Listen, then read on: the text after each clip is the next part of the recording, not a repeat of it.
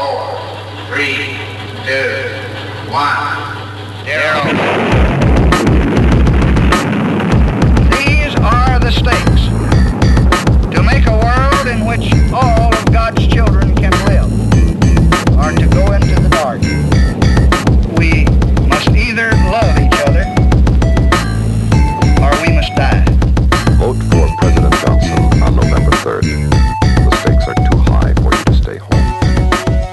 dig att du kommer in i ett rum. Eh, med dig har du en person. Eh, vi säger att det är en väljare som du vill påverka. Eh, I det här rummet så finns det ett antal fönster mot utsidan. Ni ställer er vid varsitt fönster och tittar ut och du börjar prata om att det är så hemskt mycket bilar i det här samhället och man måste verkligen minska antalet bilar. Eh, det är ett stort problem liksom och avgaserna och dubbdäcken och allting liksom som du kan komma på för att du är vänster. Eh, men problemet är att väljaren som står vid ett annat fönster från hans fönster så ser han ingen väg. Han ser inga bilar. Han ser bara gräsmatta och träd och kanske luft, liksom himlen och, och eh, sådär. Eh, hur ska du kunna påverka den här väljaren? Om han inte liksom ser eller förstår det problem som du försöker prata om. Och det ska vi prata om idag. Eller rättare sagt, vi ska prata om framing, metaforer, liknelser, budskapsramar. Och det är någonting som är oerhört på många sätt grundläggande även för att definiera oss som människor. Eh, vi matas och förstår vår omvärld redan från barnsben i termer av metaforer. Vi till exempel, den, liksom, en jättevanligt exempel om, som handlar om närhet och värme. Vi förstår närhet som någonting varmt, antagligen för att vi har blivit upplockade som barn. Eh, och hållna och, och associerade. Eller till exempel att vi förstår, i alla fall i vår kultur, någonting som eh, blir mer av än någonting som går uppåt. Eh, kanske kopplat till att vi har sett ett antal olika glas fyllas på med vatten.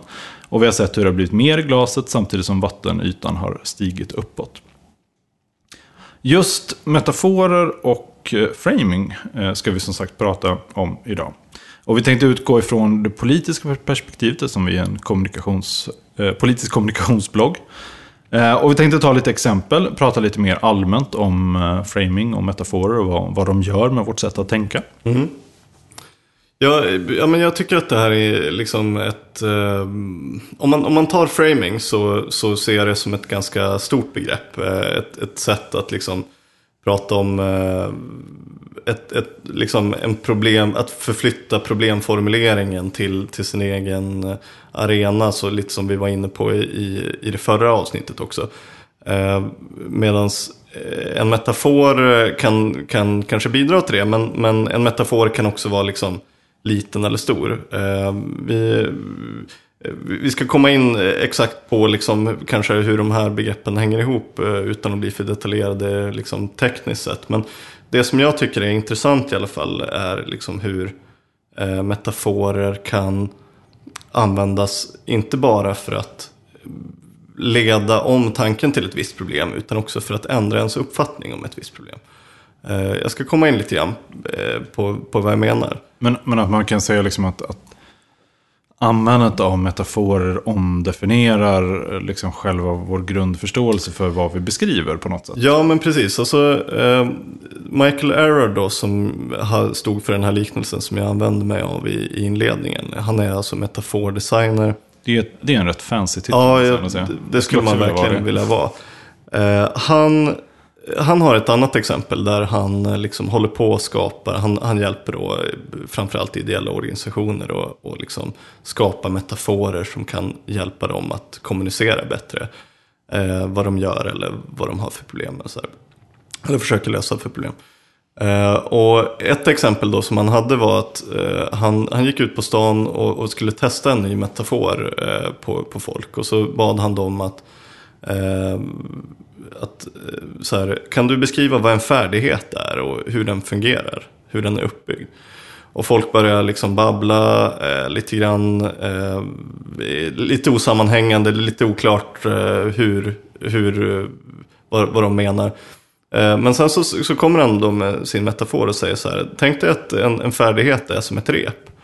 Eh, som är uppbyggt av olika trådar.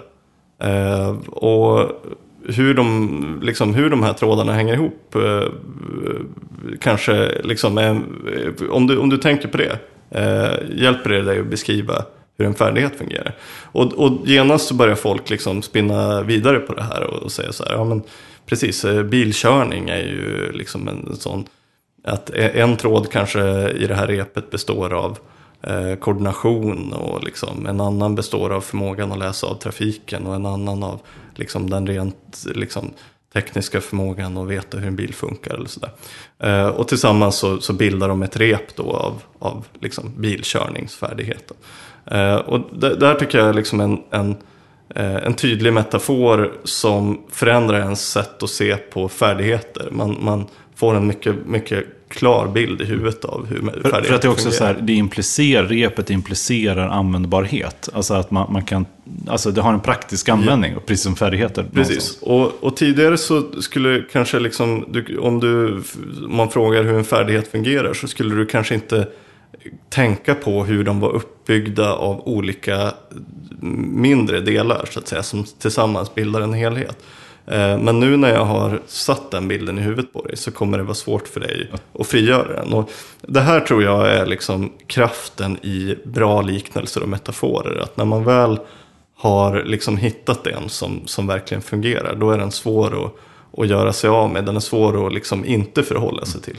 Det här tangerar ju lite grann också, jag tror att det är Richard Dawkins som, alltså, eh, jag kan blanda ihop det här också, men, men det ursprungliga memes-begreppet, eh, alltså idéer har en vilja att vilja reproducera sig själva. Mm. Eh, och det, det, är så tydligt i den här repmetaforen. Den liksom sprider sig själv, men också så större komplexa liksom, eh, idéer har också en tendens att vilja sprida sig. Mm. Eh, alltså, om det är alltifrån världsreligionen till politiska ideologier till liksom, eh, uttryck eller för den delen eh, det som vi idag kallar för internetmemes. Liksom. Mm.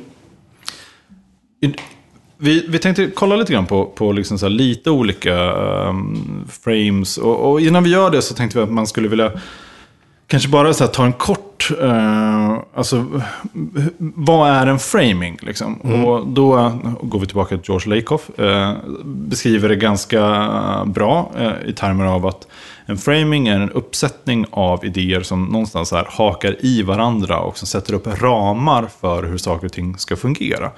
Ett vanligt exempel som man har stött på några gånger är det här med ett sjukhus. Ett sjukhus har en massa uppsättning av idéer där i grunden kan man säga så här, bygger på att du kommer dit som patient, du har läkare där som kan eh, hjälpa dig eller operera på dig i en byggnad, vad det nu kan vara.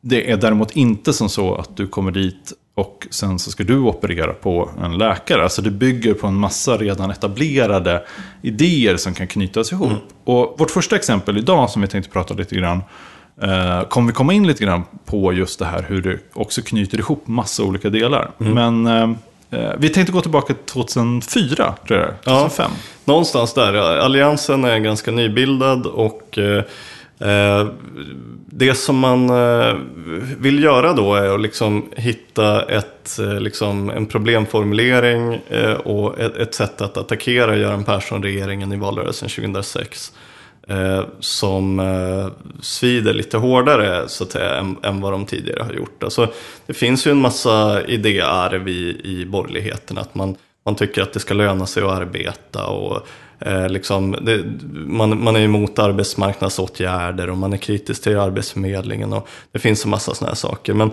men liksom problemet då, eller ett av problemen är att eh, svenskarna har en ganska liksom rigid syn på arbetslöshet eh, eller på hur bra det går för Sverige. Och det, och det är liksom att man tittar på arbetslöshetstalet och, och säger så här. Eh, är det högt så är det dåligt och, och är, det, är det en låg siffra så eh, då, då går det ganska bra för Sverige. Eh, I det här fallet så var det så att det gick eh, ganska bra för Sverige. Arbetslösheten var inte särskilt hög. Ekonomin gick liksom hyggligt, det var några år innan krisen och sådär. Eh, och... Eh, man har återhämtat sig ganska bra från IT-kraschen ja, 2001. Ja, eh, och liksom. men, men intressant är ju att det också det är ett läge där många har eh, fortfarande erfarenheter från 90-talskrisen också. Mm. Alltså det finns ju en form av, det är ett läge där jag tror jag man skulle kunna säga, där många bär på erfarenheter av saker som... Uh, erfarenheter av efterspelet av, av krisen på 90-talet. Ja. Och om man ska ge lite bakgrund till varför jag tror att den, den, här, den här liknelsen är så bra. Ja, men precis. Eh, och det som, eh, liksom, det som man identifierade då från, från Alliansens håll och fram, framförallt från Moderaterna, det var de som började driva de här frågorna.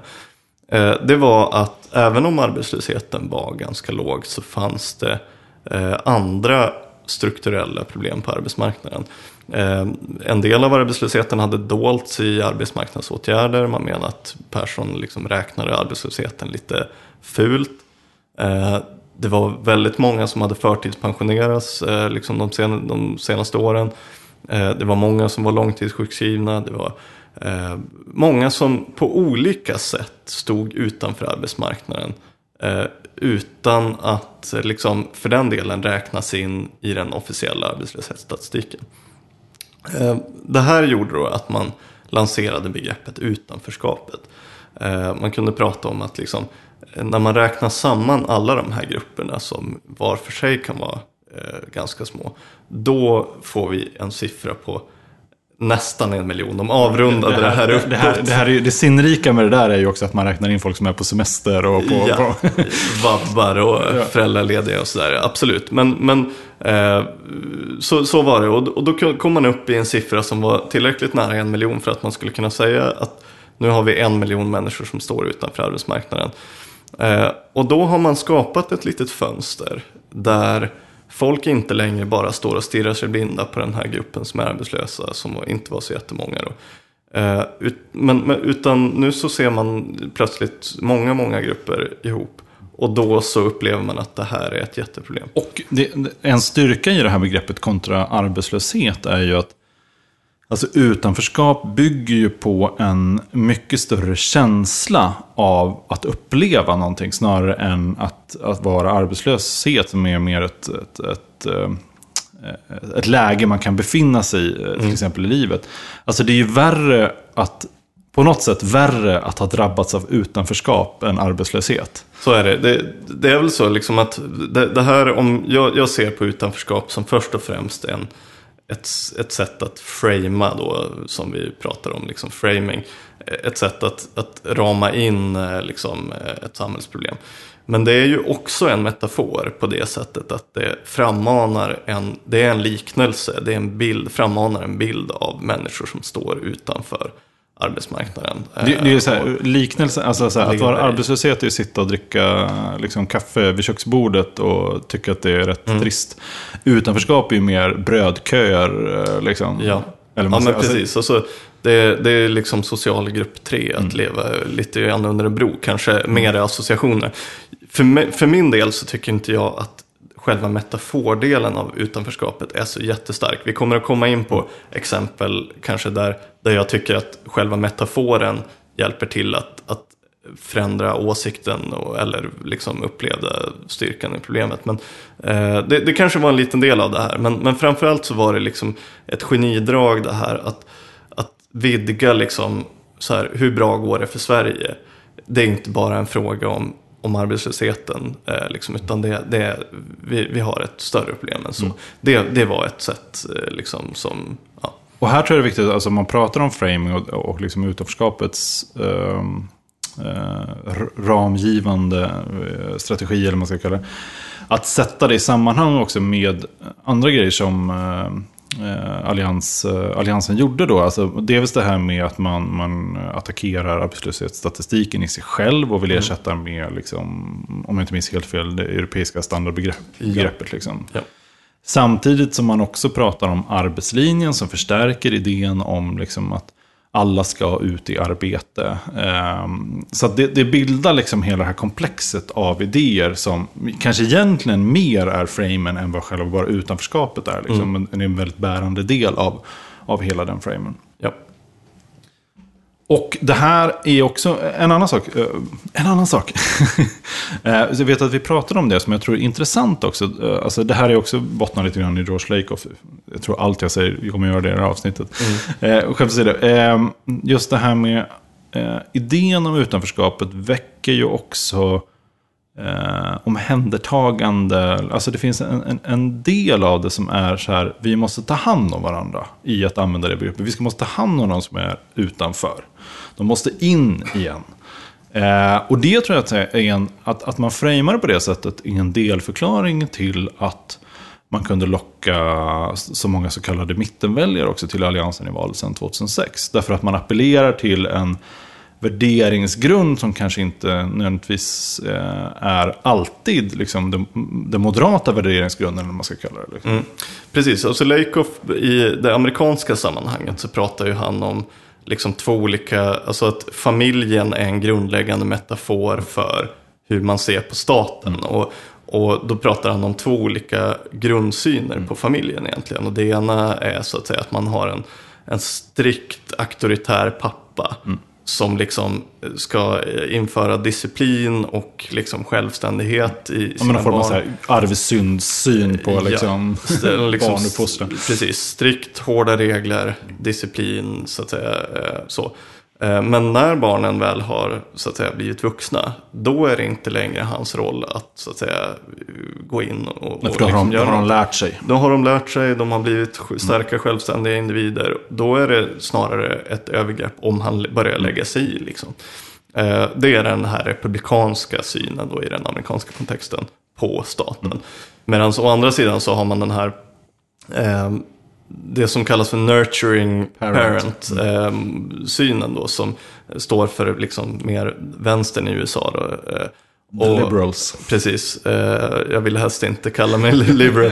Men, eh, och, och där är det mer liksom att man har en syn på staten som en vårdande öm förälder som, som ska hjälpa till och hålla barnet, liksom, eh, kanske stötta och hålla den borta från faror.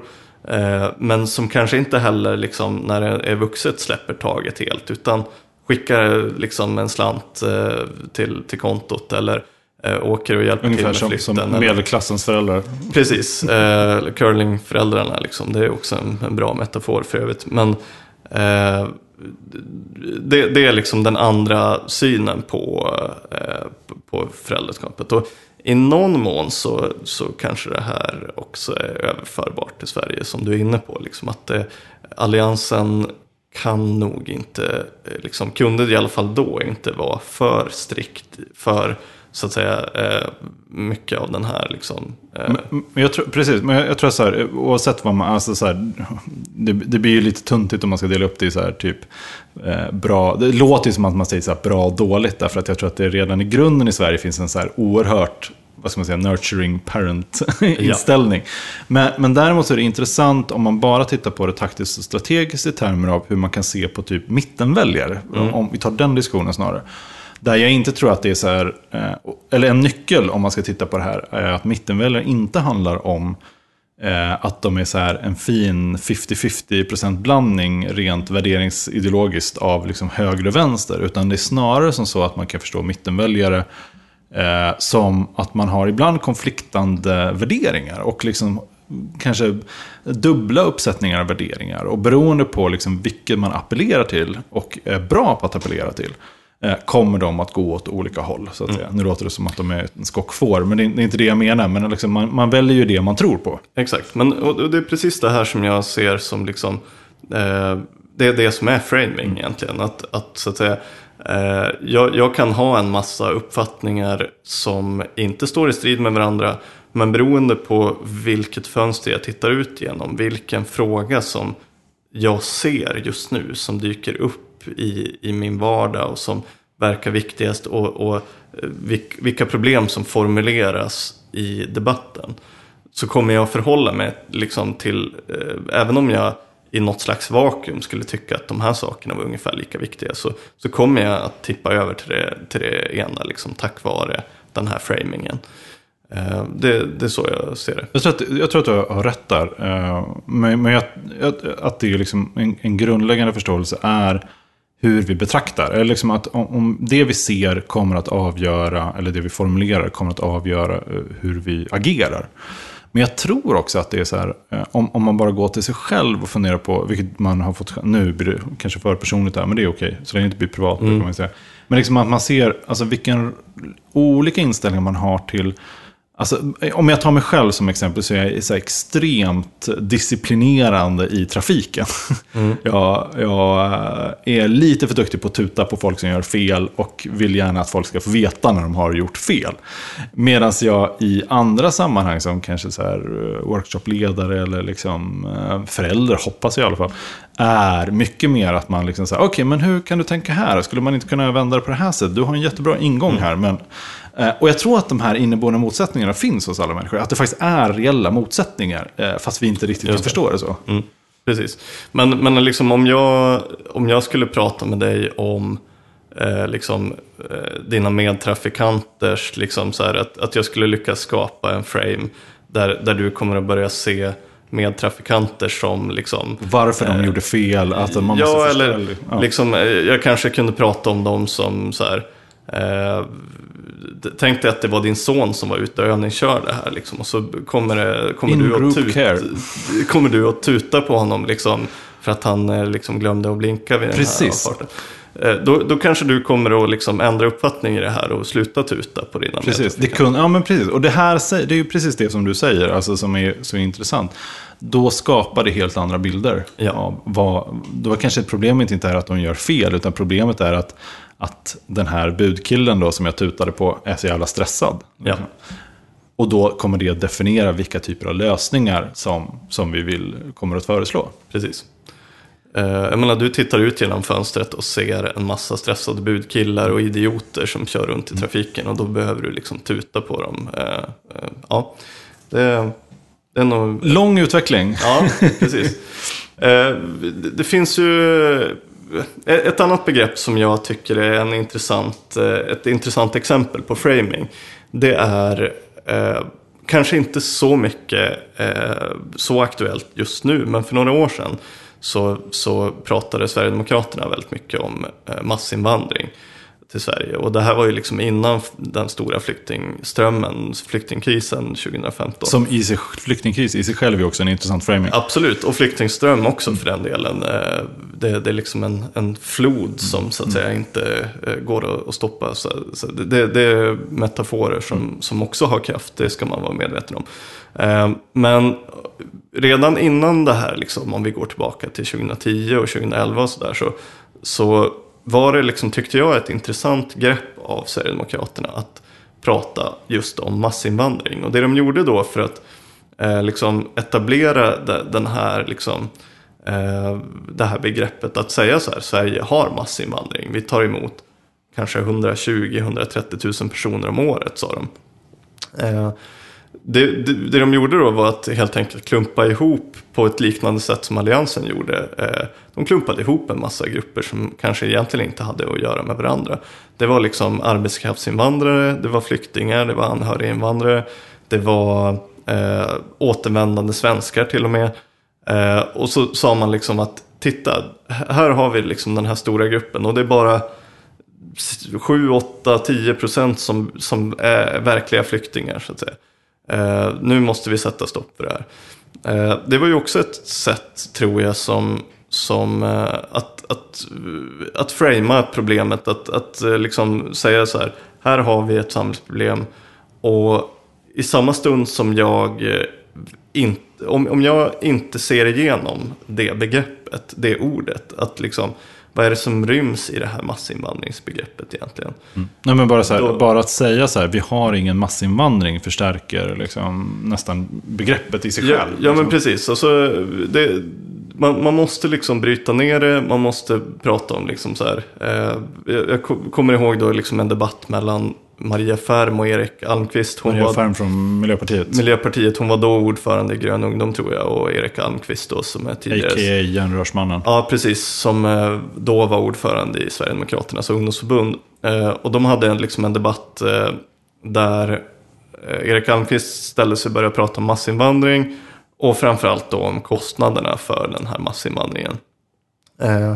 Och Maria Färm då liksom började direkt prata om att eh, man kan liksom inte prata om kostnader eh, så här. Eh, utan eh, ja, det, det går inte att sätta ett pris på det här. Eh, och problemet då blir liksom att man, eh, att å ena sidan så, så accepterar hon någonstans hans eh, begreppsvärld i, i det att det, det finns en stor, eh, stor mängd invandrare.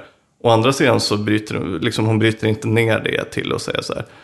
Eh, det, här det här är arbetskraftsinvandrare, de kostar inga pengar alls. Eh, och sen så har vi liksom flykting, flyktinginvandrare. Och de, Och, och det, men det folk hör istället är så här att hon inte vågar prata om, om, om kostnaderna. För Ja. det, men, men då är det intressant, det finns ju någonting där i, i den här diskussionen. Vi kan vi kanske se om vi kan hitta och, och länka den debatten. Det borde gå, kanske gå att hitta någonstans. jag, ska, jag ska se om den finns kvar på YouTube. Um, där i finns det ju en ansats till någonting som hon gör däremot som jag tycker är intressant. Och det är så här att man försöker re, liksom omorientera konflikten till att handla om någonting annat. Men eh, man lyckas inte riktigt. Därför att det jag tror man skulle ha gjort där är ju prata om om, precis som du säger, man bryter ner, alltså, och så jag kan inte sitta här och hitta på nya frames eller metaforer, det går liksom inte. Men, men att man försöker så här, okej, men den moraliska plikten, eller det moraliska uppsåtet i att faktiskt ta hand om människor i, i, eh, i kris och krig. Det här är väl ett jättebra exempel på om, om man ska vara, om man ska titta lite grann i detalj med, liksom, om man inte så här aktivt går in och funderar på vilken typ av frame man ska bygga, så kommer den framingen att bygga på redan existerande eh, föreställningar som är dominerande. Alltså i synen på Eh, ett ganska eh, aktuellt exempel skulle jag nog säga är synen på det här. Alltså Socialdemokraternas migrationspolitiska utspel här för några veckor sedan som handlade om rätten till eh, rätten till att få läsa på SFI från första dagen man kommer hit. Eh, men det var inte så man pratade om det. Eh, utan man pratade om det som en språkplikt. Och det är en förståelse av eh, invandringen som eh, i princip parasitär, om man ska dra det riktigt hårt. Ja. Liksom. Ja. Och därför måste vi disciplinera dem och liksom se till så att de sköter sig. Exakt. Men det var egentligen inte, de politiska förslagen handlar inte om det. Men det är för att det bygger på någon redan existerande föreställningar om vad invandring är. The Vi tänkte prata om lite andra liknelser också. Ja, Vi, eh, så vi satt och gjorde en lista här innan på så här intressanta metaforer eller intressanta, eh, intressanta liknelser och hur de funkar och inte funkar.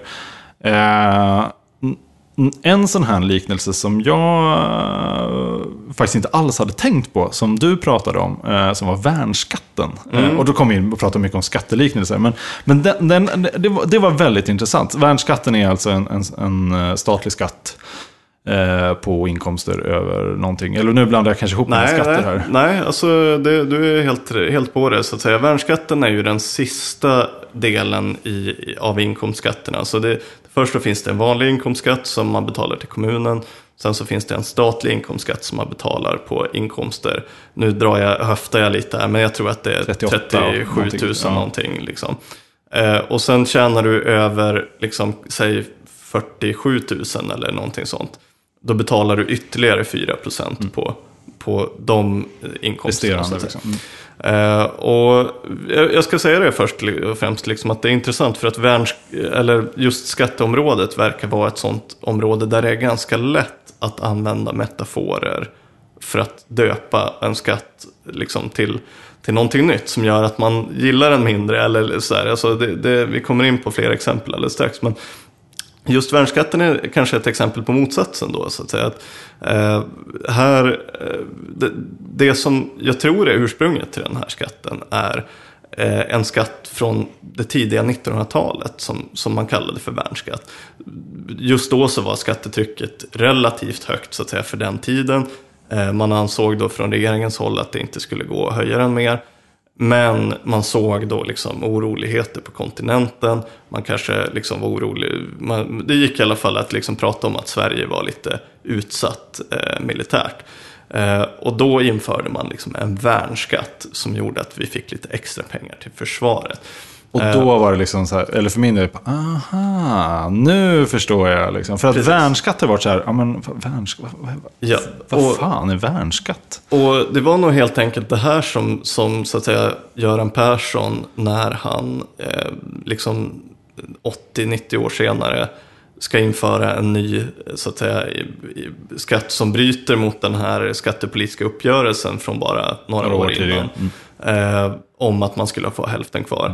Nu ska han införa en som, som ja, då, då behöver man liksom ett namn som eh, klingar hyggligt i alla fall. Och då kopplar man ihop det till värnet av den svenska välfärden, värnet Precis. av den svenska då är, modellen det, eller vad man då är det liksom inte försvaret som ska värnas längre, utan det är något annat. Men, men det, det var en ganska, jag tyckte det är, en pikant detalj att man valde just det namnet. Men det är ju intressant därför att man så här inte, alltså, det blir ju, här blir det intressant att avskaffa en värnskatt blir ju inte så bra. Nej. Alltså varför ska man avskaffa en skatt som värnar om någonting? Precis, hade borgerligheten varit lite liksom på hugget där då så kanske man hade döpt om den här skatten mer eller mindre omedelbart till liksom så här, eh, Utbildningsskatt utbildningsskatt. eller något Precis, sånt. nå- någonting liksom, eh, ja, skatt på ö- övertidsskatten Mm. eller v- vad det nu kunde vara liksom.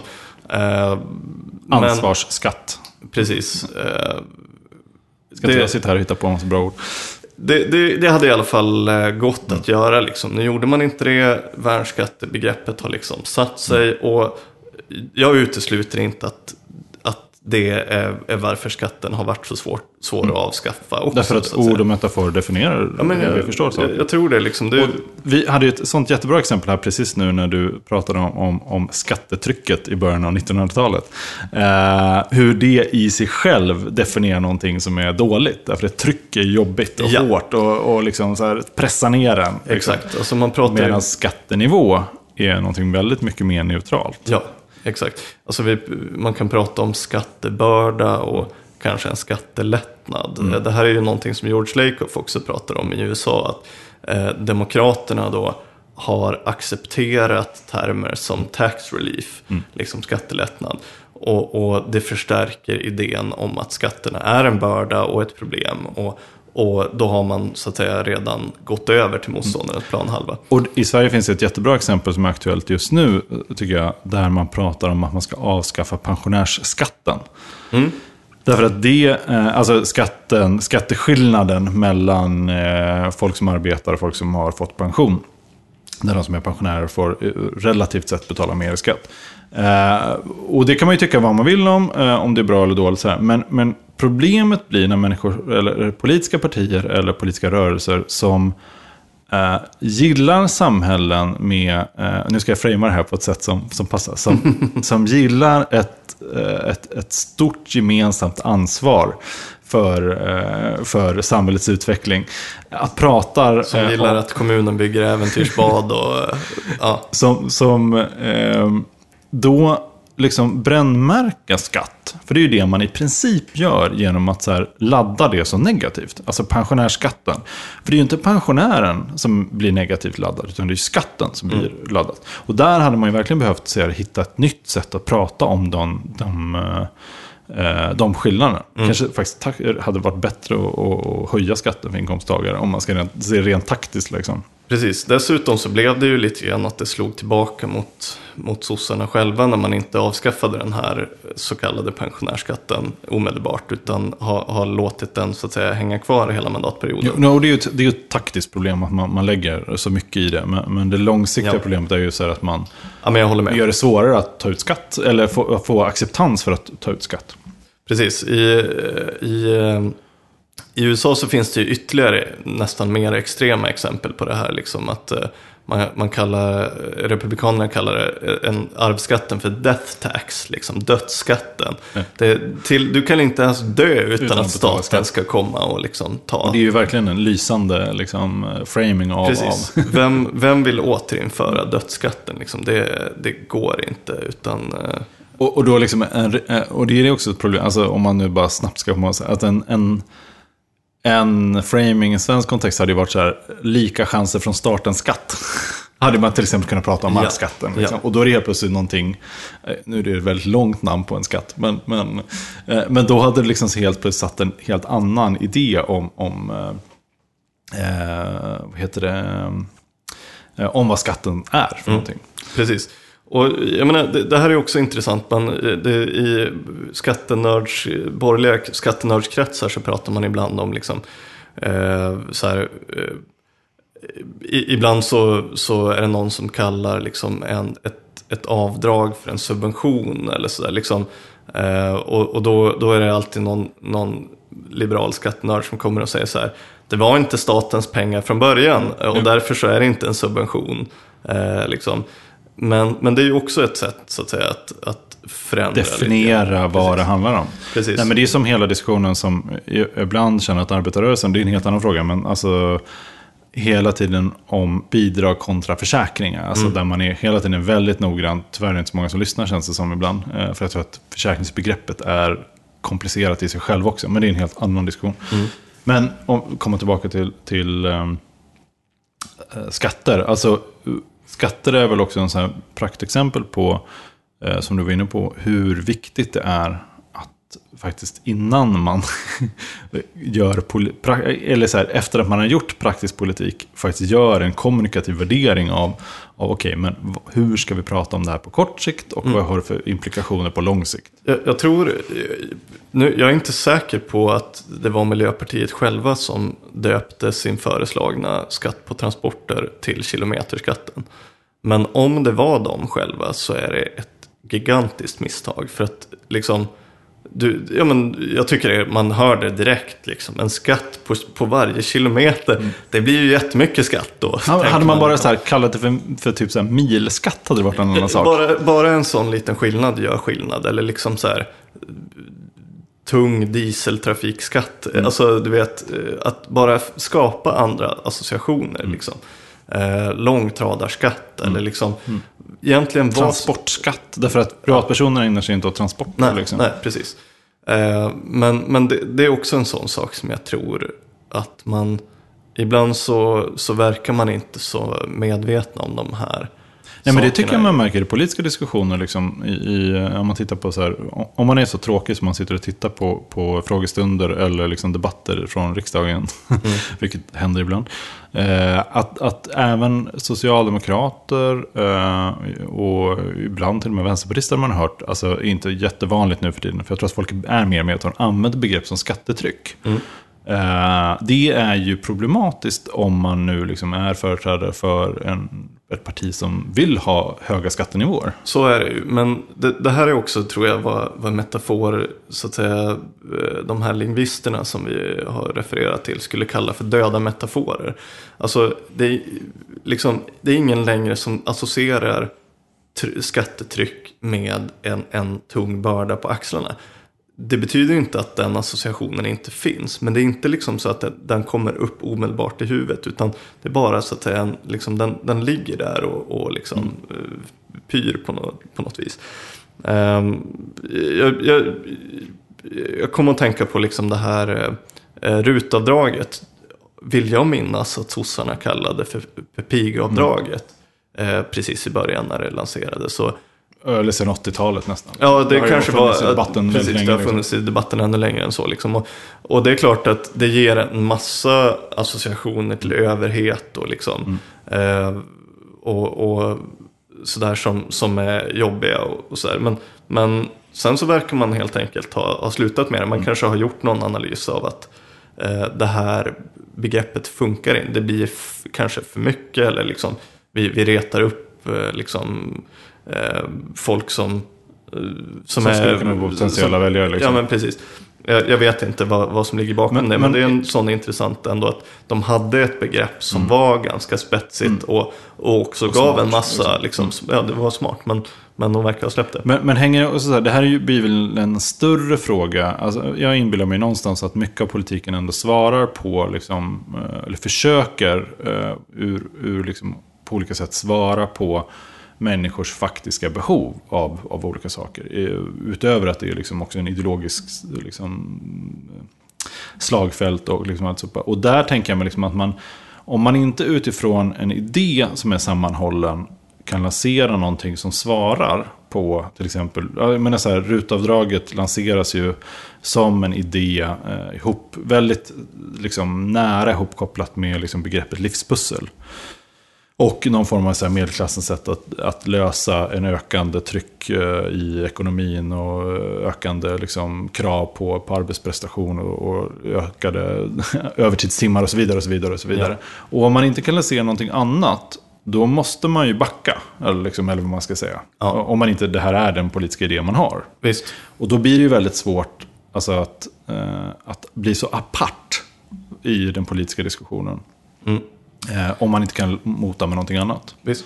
Det, det är ju också så här, det går ju att ställa frågan, liksom, ska vi börja kalla drängav, rotavdraget för drängavdrag också? Liksom, så här, sossarna har, brukar ju vurma för det här rotavdraget för att det är byggnads... Liksom, eh, Allt vill ja. ha det. Ja, precis. Nej, men det här blir ju intressant, för det här är ju liksom också illustrerar ju makten av metaforer. Eh, och kan man inte kan man inte skapa tydliga metaforer för sin politik, eh, då måste man gå tillbaka till, till ritbordet på något sätt. Liksom. Exakt, alltså vi, vi var inne på lite grann på det här med liksom misslyckade metaforer. Alltså att när man märker att en metafor inte funkar så kanske man bara måste släppa den och, och, och hitta något nytt. nytt liksom. Jag såg på partiledardebatten häromdagen bara och Jonas Sjöstedt försökte liksom med en liknelse där han riktar sig till Ulf Kristersson och, och säger liksom att ehm, jag tror att det handlar om eh, om, om löner och, och skatter så att säga. Och då säger han till Ulf Kristersson att du är, du är som en pappa på fjälltur med sin familj och, eh, som, och pappan ger liksom en tung ryggsäck till sin sexåriga dotter och säger att du får bära det här, jag ska inte liksom, bära någonting.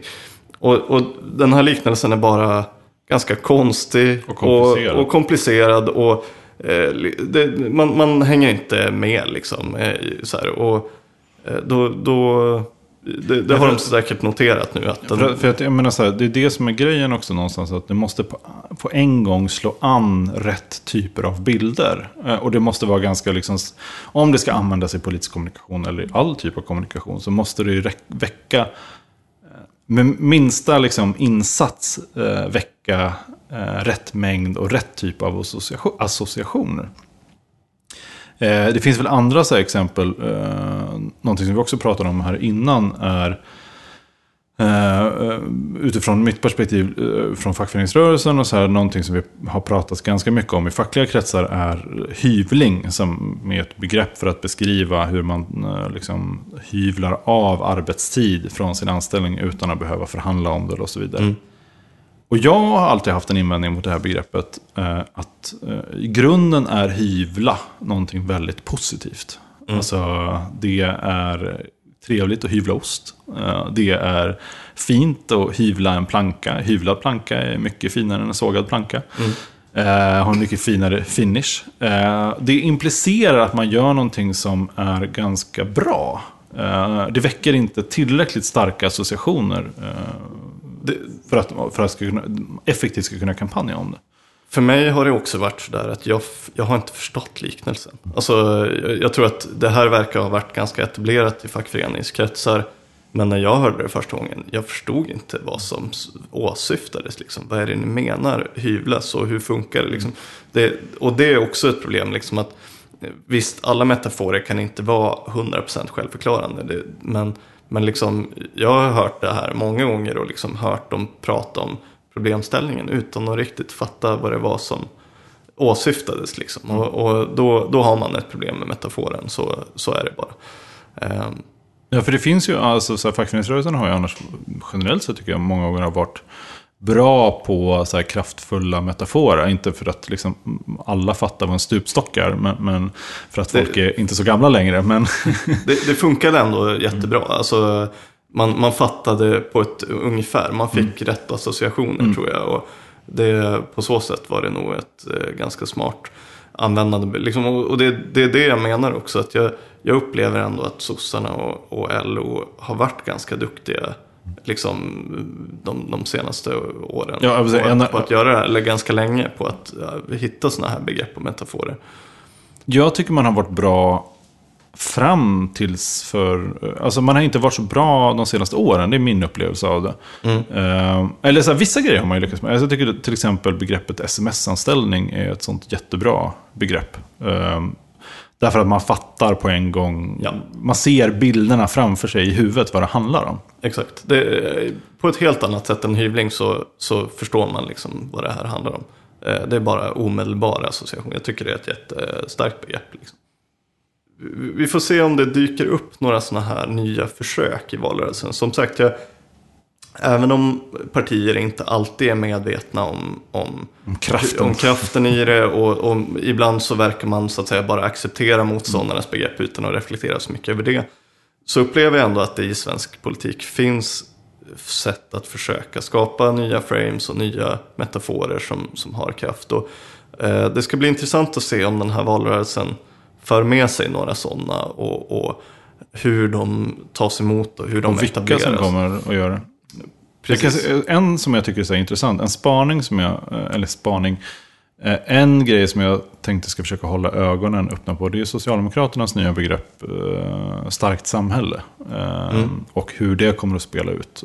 Därför att den bygger på, den appellerar på någonstans till en liksom lite auktoritär tradition, eller auktoritär, men samtidigt som den är ganska mycket så här, samhället, vi tillsammans ska vara starka. Sen, vi får se om man kommer att använda den eller kommer att lyckas etablera den, det vet jag inte. Men jag tror den har potential i alla fall. Har du sett någon än så länge sådär, som du har tänkt på? Nej, eh, jag, jag propagerar ju hårt för att varje gång regeringen säger att eh, ekonomin går som tåget så ska alliansen svara men andra klassvagnen står kvar på perrongen.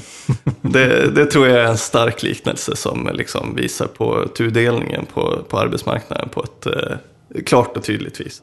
Det blir som sagt intressant. Eh, Jag, jag tror att det här är ett, eh, ett område som ändå kommer att växa i, i, inom den politiska kommunikations... Så att säga, eh, att, man kommer att jobba mer strukturerat med det här. Och det blir intressant att se om det tar sig uttryck redan i valrörelsen. i. Det har ju kommit några böcker på svenska. Vi kan lista några litteraturtips. Vi har pratat mycket om George Lakoff och om metafordesignen. Precis. Eh, Michael Erard. Michael Earl. Vi kan eh, länka lite grann. Eh, länkar till både boktips och eh, vad heter det, föreläsningar. Så kan man förkovra sig själv i frågan. Med det så får vi tacka för den här gången. Och som vanligt tack till Arena, Arenagruppen för att vi får låna deras poddstudio. Och tack till Karin Pil för att hon gjorde en schysst vignett som refererar till Daisy fantastiska reklamfilmen. Precis. Eh, det var allt för Daisy-podden för den här gången. På eh, återhörande.